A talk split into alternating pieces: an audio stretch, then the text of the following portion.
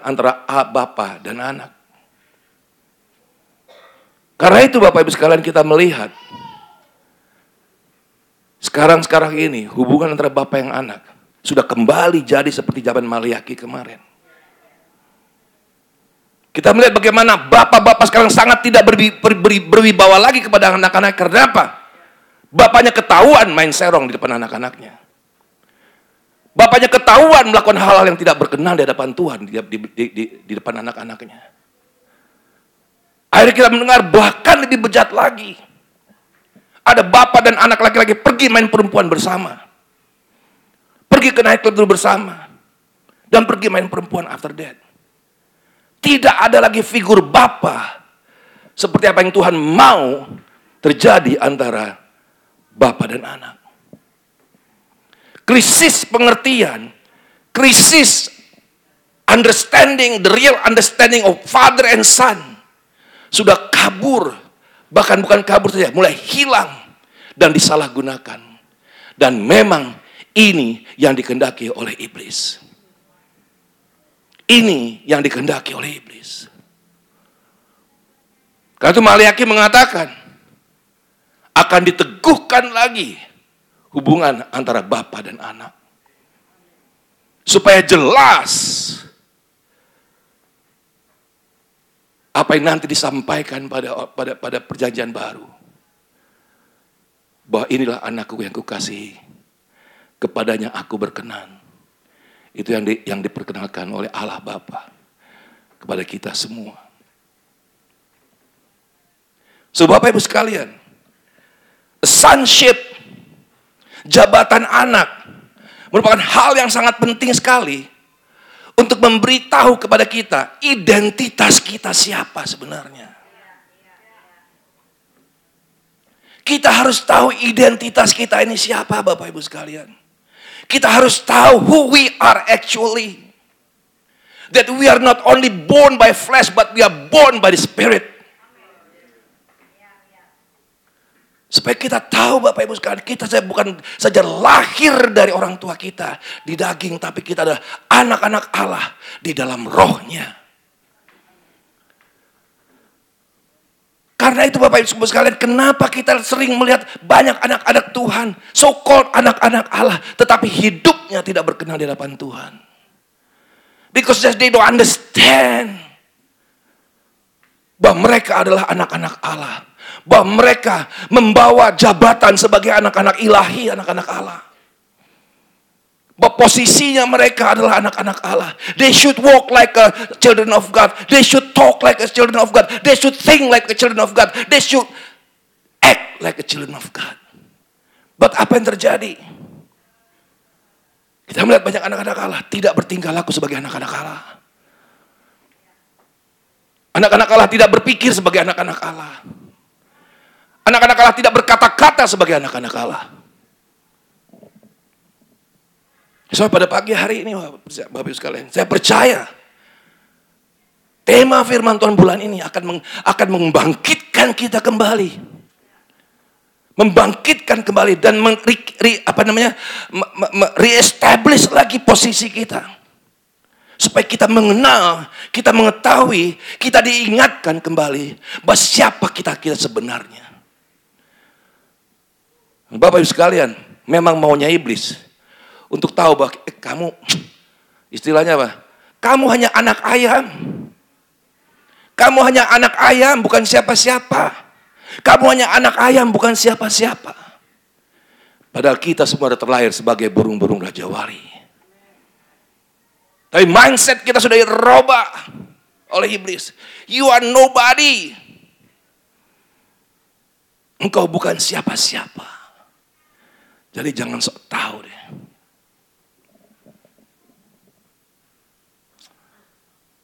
Mari kita berdoa Bapak sekalian.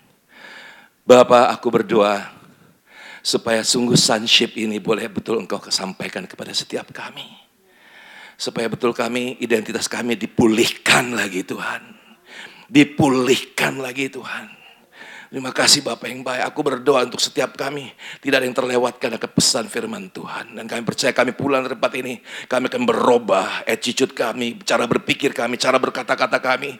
Cara bertingkah laku kami akan berubah. Menjadi anak-anak Allah yang sesungguhnya. Thank you Father. In Jesus mighty name. Amen. Mari kita baca firman Tuhan. Sebetulnya Yohanes 1 ya, saya maunya dari 1 sampai sampai uh, eh, 13 ya. Tapi nggak apa-apa yuk, 1 sampai 13. Kita baca. Yohanes 1 ayat 1 sampai 13. Bisa minta tolong Aldo ini diangkat tuh supaya orang nggak menutupi. Pada mulanya adalah firman. Firman itu bersama-sama dengan Allah dan firman itu adalah Allah. Dua, ia pada mulanya bersama-sama dengan Allah Segala sesuatu dijadikan oleh dia dan tanpa dia tidak ada satupun yang telah dijadikan dari dari segala yang telah dijadikan. Dalam dia ada hidup dan hidup itu adalah terang manusia. Terang itu bercahaya di dalam kegelapan dan kegelapan tidak menguasainya. Datanglah seorang diutus Allah namanya Yohanes. Ia datang sebagai saksi untuk memberikan kesaksian tentang terang itu supaya oleh dia semua orang menjadi percaya ia bukan terang itu, tapi ia harus memberikan kesaksian tentang terang itu. Terang yang sesungguhnya, yang menerangi setiap orang sedang datang ke dalam dunia. Ia telah ada di dalam dunia, dan dunia dijadikan olehnya, tetapi dunia tidak mengenalnya. Ia datang kepada miliknya kepunyanya, tapi orang-orang kepunyanya tidak menerimanya. Tapi semua orang yang menerimanya diberinya kuasa supaya menjadi anak-anak Allah, yaitu mereka yang percaya di dalam namanya. Orang-orang yang diperanakan bukan dari darah atau dari daging, bukan pula secara jasmani oleh keinginan seorang laki-laki, melainkan dari Allah. Mereka yang yang ah, coba ayat ayat, ayat 10 Ia telah ada dalam dunia dan dunia dijadikan olehnya, tetapi dunia tidak mengenalnya. Kemudian ia datang kepada milik kepunyaannya, tapi orang-orang kepunyaannya tidak menerimanya. Wow. Wow. Tuhan sudah ada. Allah sudah ada mengatakan kepada kita, "You are my son." Tapi mata kita masih tertutup. Mata kita masih tertutup.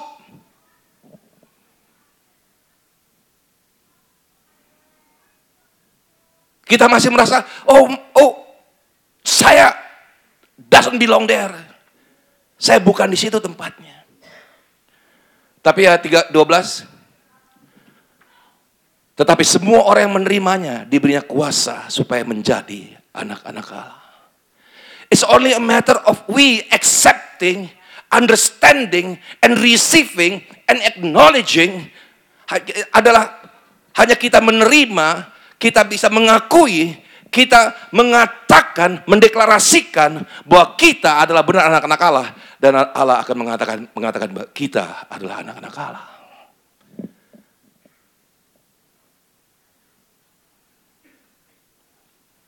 Bapak Ibu sekalian,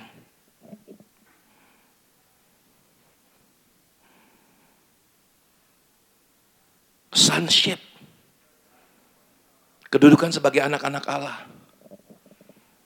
Merupakan satu kedudukan yang betul-betul sangat penting sekali untuk kita ketahui. Karena hanya di dalam hubungan bapak anak adalah hubungan yang paling dekat. Tidak bisa ada yang lebih dekat daripada hubungan bapak anak.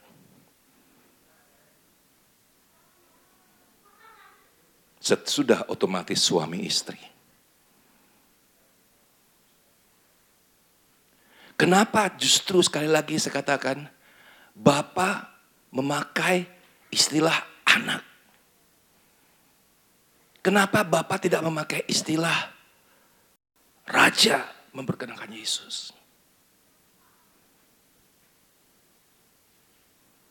Karena anak bukan saja mewarisi bapaknya, tapi anak juga mewarisi sifat-sifat daripada bapaknya.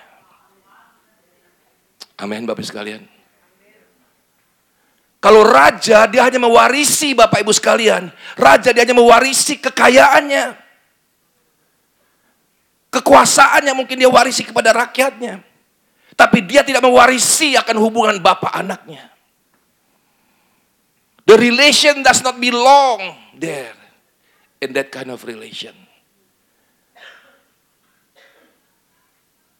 Tapi bapak anak itu yang diberikan kepada kita.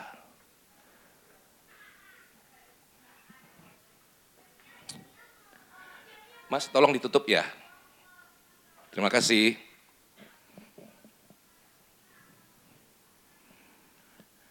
Sonship is always related with power. Jabatan selalu hubungannya dengan kekuasaan.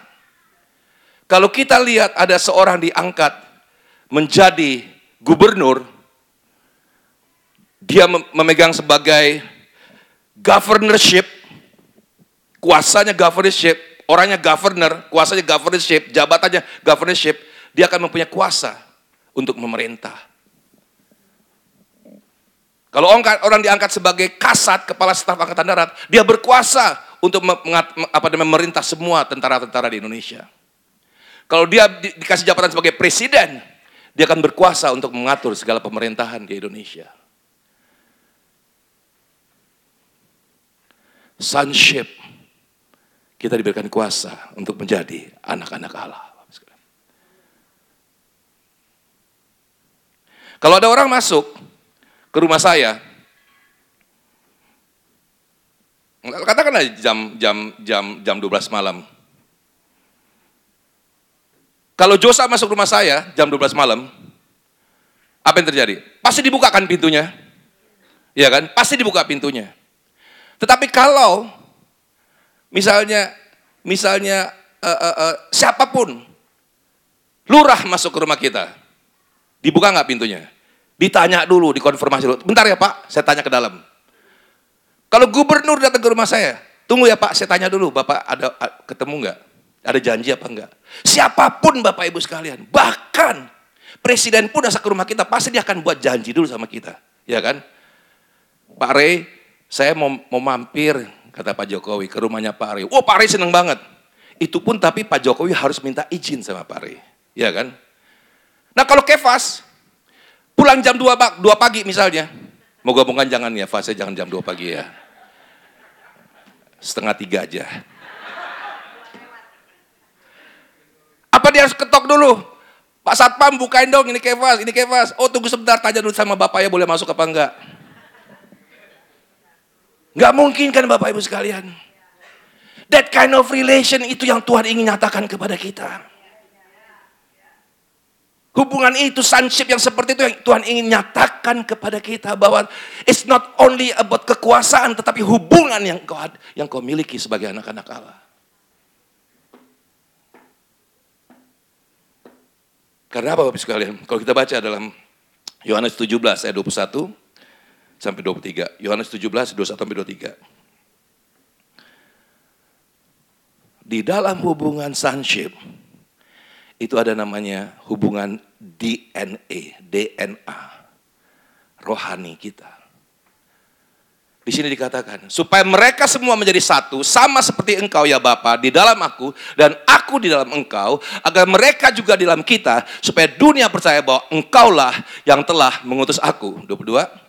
Dan aku telah memberikan kepada mereka kemuliaan yang engkau berikan kepadaku. Supaya mereka menjadi satu. Sama seperti kita adalah satu. 23. Aku di dalam mereka dan engkau di dalam aku. Supaya mereka sempurna menjadi satu. Agar dunia tahu bahwa engkau lah yang telah mengutus aku. Dan bahwa engkau mengasihi mereka sama seperti engkau mengasihi aku. DNA kita adalah dikatakan di situ bahwa Allah menjadi satu dengan Kristus dan Kristus tinggal di dalam kita. Ini perkataan doa Tuhan Yesus untuk murid-muridnya. Tapi mari kita baca satu ayat di atasnya. Ayat 20.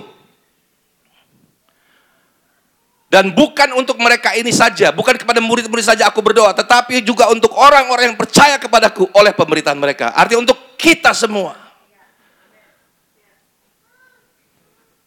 Bahwa kita semua, Bapak Ibu sekalian, kita mempunyai DNA kita, bahwa identitas kita adalah Allah dan segenap keilahiannya tinggal di dalam kita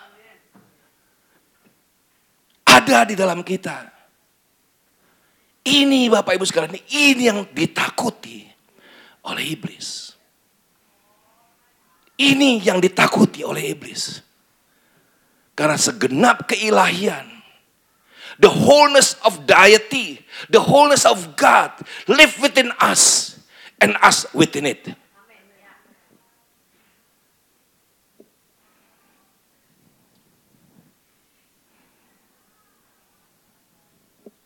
Bapak Ibu sekalian. Tapi kadang-kadang kita susah sekali mengerti. Susah sekali mengerti identitas sonship kita. Even Jesus. Even Jesus. Harus diteguhkan sendiri oleh Bapa. Bahwa engkau adalah anak Allah. Yesus pun Bapak Ibu sekalian harus deklarasikan oleh Bapa bahwa engkau adalah anak Allah. Pertama kali yang mengetahui bahwa Yesus adalah anak Allah siapa? Siapa? Maknya dong, Maria. Iya dong. Maknya dong. Coba deh lihat. Maknya dong paling tahu, ya. Uh, Lukas 1 ayat 35. Lukas 1 ayat 35. Bunda Maria is the first human being that know that Jesus is the son of God. Ya, coba lihat. Lukas 1 ayat 35. Jawab malaikat itu kepadanya, Roh Kudus akan turun atasmu dan kuasa Allah yang Maha Tinggi akan menaungi engkau. Sebab itu anak yang akan kau lahirkan akan disebut sebagai anak Allah. Ada bedanya anak Allah dan anak-anak Allah. Kita adalah anak-anak Allah. Tapi yang namanya anak Allah cuma satu, namanya Yesus. Kalau singular, anak Allah cuma uh, eh, apa? Singular apa namanya? Uh, tunggal, itu selalu referensinya kepada Yesus. Kalau anak-anak Allah, itu adalah kita semua yang percaya kepada dia. Karena itu Bapak Ibu sekalian, dasar emak ya, Waktu kejadian apa namanya uh, uh, pernikahan di Kana, orang nggak tahu bahwa Yesus adalah anak Allah. Cuman cuman cuman mamanya yang tahu bahwa dia anak Allah. Pada waktu jadi ke, ke, ke, pesta di Kana ke, kekurangan anggur. Saya nggak tahu anggur apa yang kurang Bapak Ibu sekalian. Orang bingung, kepala pesta tanya ke orang ke, ke rumah ke apa namanya ke, ke yang punya pesta apa apa anggurnya habis. Overheard, didengar oleh Maria. Dan Maria bilang,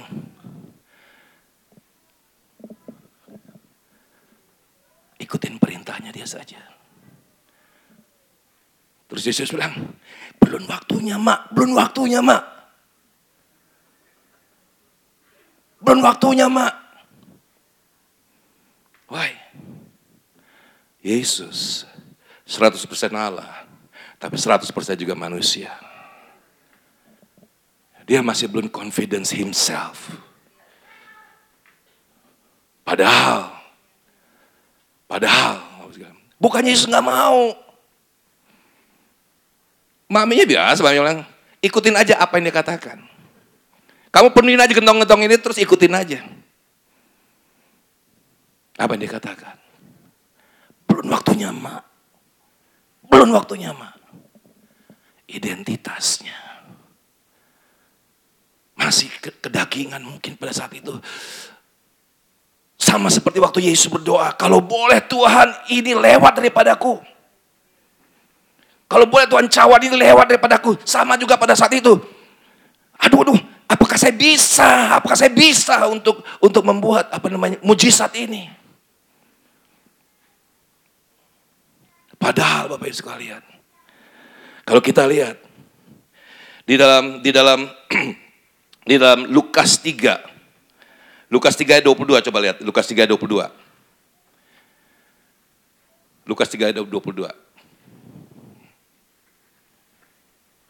Ini Allah Bapa mengestablish sekali lagi bahwa Yesus engkau adalah anak Allah.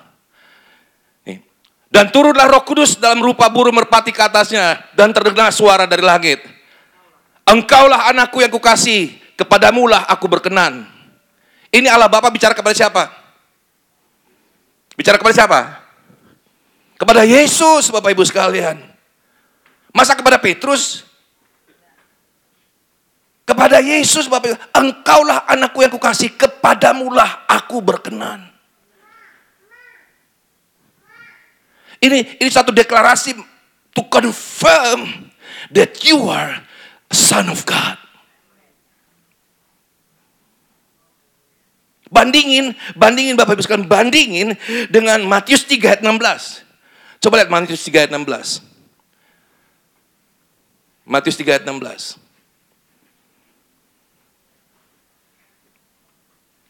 Sesudah dibaptis, Yesus segera keluar dari air dan pada waktu itu juga langit terbuka dan ia melihat roh Allah seperti burung merpati turun ke, at ke atasnya. Kemudian 17, lalu terdengarlah suara dari sorga yang mengatakan apa?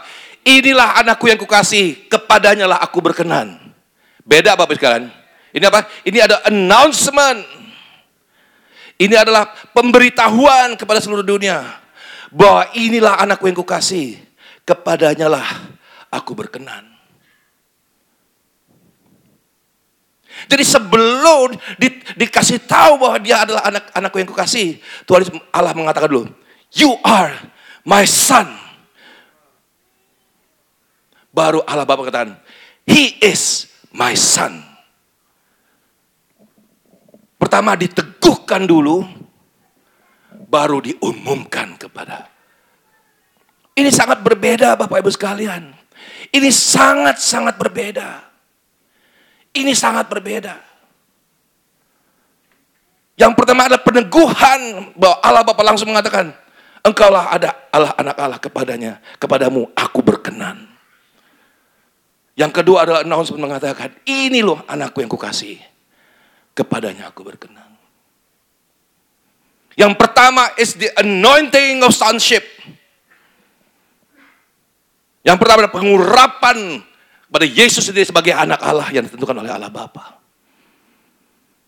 Di depan umum.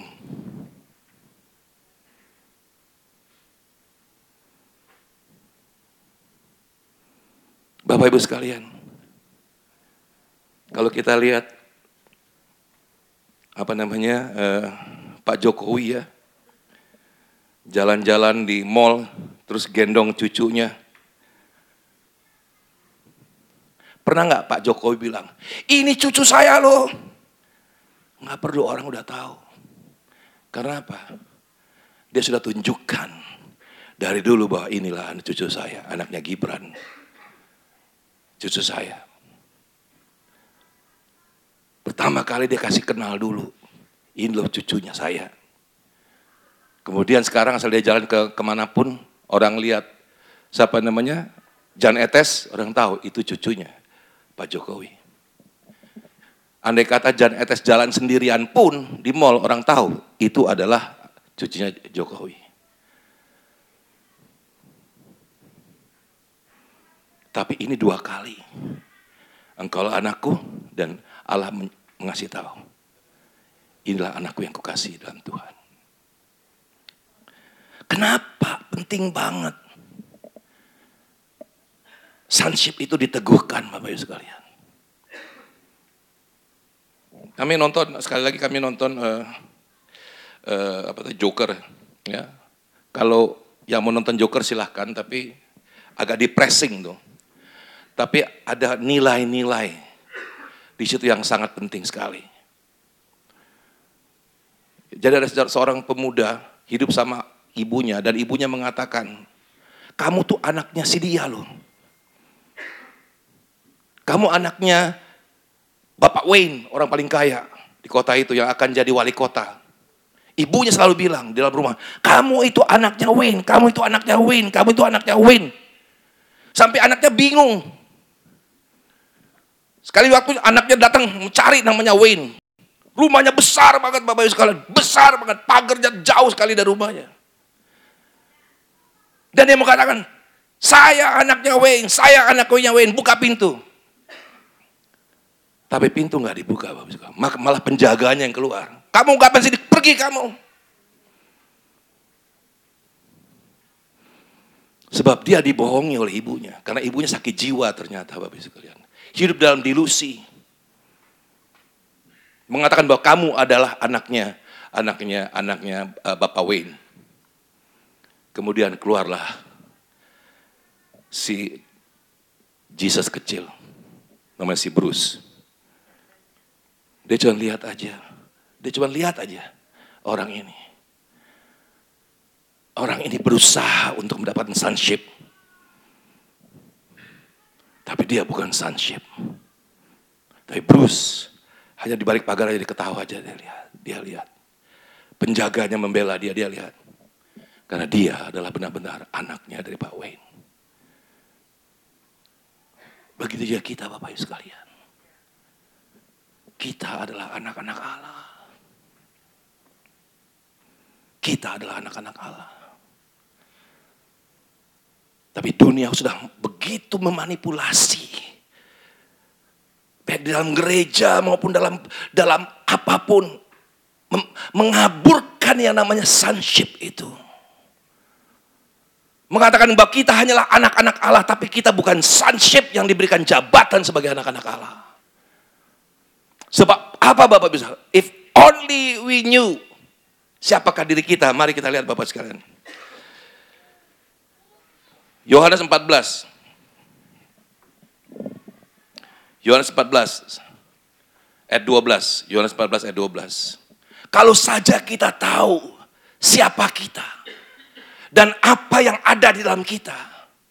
Aku berkata kepadamu, sesungguhnya barang siapa percaya kepadaku, ia akan melakukan juga pekerjaan-pekerjaan yang aku lakukan. Bahkan pekerjaan-pekerjaan yang lebih besar daripada itu, sebab aku pergi kepada Bapa. 13. Dan apa pun yang kamu minta dalam namaku, aku akan melakukannya supaya Bapa diperbolehkan di dalam anak. If only we know. Kalau saja kita tahu identitas kita sebagai sonship. Kita mempunyai kuasa. Ayat 14. Jika kamu meminta sesuatu kepadaku dalam namaku, aku akan melakukannya. Wow. Wow. Jesus dia omnipotent, omniscient, omnipresent yang maha tahu, maha hadir dan maha kuasa yang alfa dan omega yang menciptakan dunia bumi hanya dengan firman yang mengatakan apa saja yang kau minta akan aku lakukan.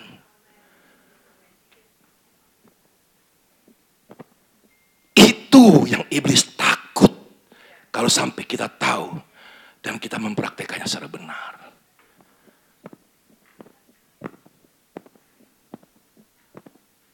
Kemarin saya di di Ambon Bapak Ibu sekalian. Wah kamarnya banyak hantu Bapak Ibu sekalian. Wah. Wah, deh. Nggak tahu hantu apa tuh. Baru masuk udah baunya minta ampun. Saya bilang ini main-main. Dia nggak tahu siapa saya, dia bilang gitu. Ini mau tes saya begitu ya. Dia belum tahu saya ini ya. Sobong sama iblis boleh dong. Asal jangan sama sama manusia nggak boleh. Kayak.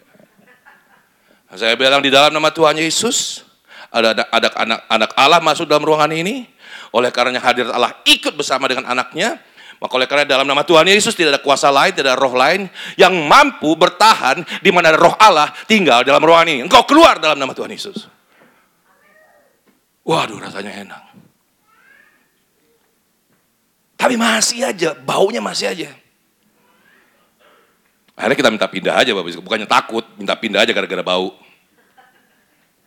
Pindah. Sebut, ayo apa yang mau saya katakan adalah sebagai anak-anak Allah, kita punya kuasa. Kita punya kuasa. Kenapa kok kuasa itu belum ada? Kok sepertinya kok kita belum bisa? Because it's not the timing yet, Bapak Ibu sekalian untuk kita mengalami seperti itu, untuk untuk diberikan kuasa, untuk di, dipraktekkan, Bapak Ibu sekalian. Karena di Indonesia masih gampang, Bapak Ibu sekalian, kita bisa berdoa, bisa bisa bisa baca firman Tuhan dengan bebas, bisa beribadah dengan bebas. Belum perlu Bapak Ibu sekalian. Tapi nanti saatnya, pada saat kesulitan itu akan datang, maka kuasa itu akan nyata dan kuasa itu akan berkuasa. Kita dengar banyak banyak cerita, banyak banyak banyak kesaksian tentang anak-anak Tuhan di, di negara-negara yang tertekan seperti di Cina. Bagaimana mujizat-mujizat terjadi dalam kehidupan mereka. Bagaimana multiplikasi terjadi. Karena memang Bapak Ibu sekalian, sudah saatnya untuk kuasa itu diberikan kepada anak-anak Tuhan. Untuk mereka bisa bertahan. Tapi untuk sekarang Bapak Ibu sekalian. Mujizat yang penting yang terjadi bagi kita adalah cuma satu. Saat sekarang ada mujizat yang terjadi adalah satu. Lakukan penginjilan. Menangkan jiwa untuk Tuhan. Dan firman Tuhan katakan apa? Malaikat di sorga akan berpesta. Itu mujizat sekarang yang Tuhan mau dari kita. Itu mujizat sekarang yang Tuhan mau dari kita Bapak Lakukan dulu penginjilan. Kalau menyembuhkan orang sakit, membangkitkan orang mati, belum penting sekarang Bapak Ibu sekalian. Belum penting Bapak Ibu sekalian. Tapi bagaimana kita memenangkan jiwa sebagai sonship, kita berwibawa. Kemarin lagi di Ambon lagi Bapak Ibu sekalian. Saya udah saya udah telepon, saya udah atur karena saya di, di Ambon nggak ada taksi Bapak Ibu sekalian. Jadi kita harus punya apa namanya uh, uh, sewa mobil. Jadi saya sudah telepon dari sini dari minggu lalu, e, tolong jemput saya jam saya sampai jam e, setengah enam, eh jam enam setengah enam, jemput saya ya. Oh siap siap siap. Beta jemput, jangan lupa Ale katanya. Wih sedap. Eh sampai beta sampai sana dia tidak ada. Ale tidak ada. Oh. masih gelap, waduh, masih gelap setengah enam. Ale belum ada. Beta bingung mau apa ini jauh sekali. Dari airport sampai hotel 40 menit. Keluar, biasa kan ada yang gelap-gelap itu kan. Pak, pak perlu kendaraan, perlu kendaraan, perlu kendaraan. Saya bilang, saya berdoa, Tuhan tolong kasih saya yang benar Tuhan. Kan kita sering dengar ya, masih gelap soalnya. Lagi duduk, tiba-tiba dari belakang, gitu ya. Tapi sebenarnya anak Tuhan gak bisa, masih tenang aja. Terus ada satu deketin saya. Bapak sudah punya kendaraan. Oh belum, saya masih tunggu. Langsung saya bilang, kalau saya nggak dijemput, nanti bapak antarinnya. Oke, oke, oke. Akhirnya betul, nggak datang. Udah, ayo. Oh, langsung ambil mobilnya. Kita buka pintunya. Saya lihat dulu ke belakang, ke belakang aman, nggak ada orang yang sembunyi, baru masuk dulu. Pas, pas, pas, pas, pas masuk duduk dengar musik. Haleluya. Haleluya. Eh, Ambon luar biasa. Oh, Ambon luar biasa Bapak sekalian. Pagi-pagi dari pagi sampai hotel, lagu pujian penyembahan terus. Saya bilang habis sampai hotel selesai. Nanti Pak, nanti jam jam 9 saya mau berangkat lagi. Kalau jam 9 sudah lain. Hip hop lagunya. Udah bukan penyembahan lagi, hip hop sudah. Malam lebih lagi, saya bilang ini ini, ini harus harus bicara nih, harus bicara. Terus sudah hari terakhir, di Ambon itu kotanya semua saling kenal loh Bapak Ibu sekalian. Semua saling kenal. Sopir saya juga kenal sama sama Joji, apa nama salah satu gembala di ini. Halo, halo, halo. Wah hebat banget nih. Semua halo, dia kenal semua.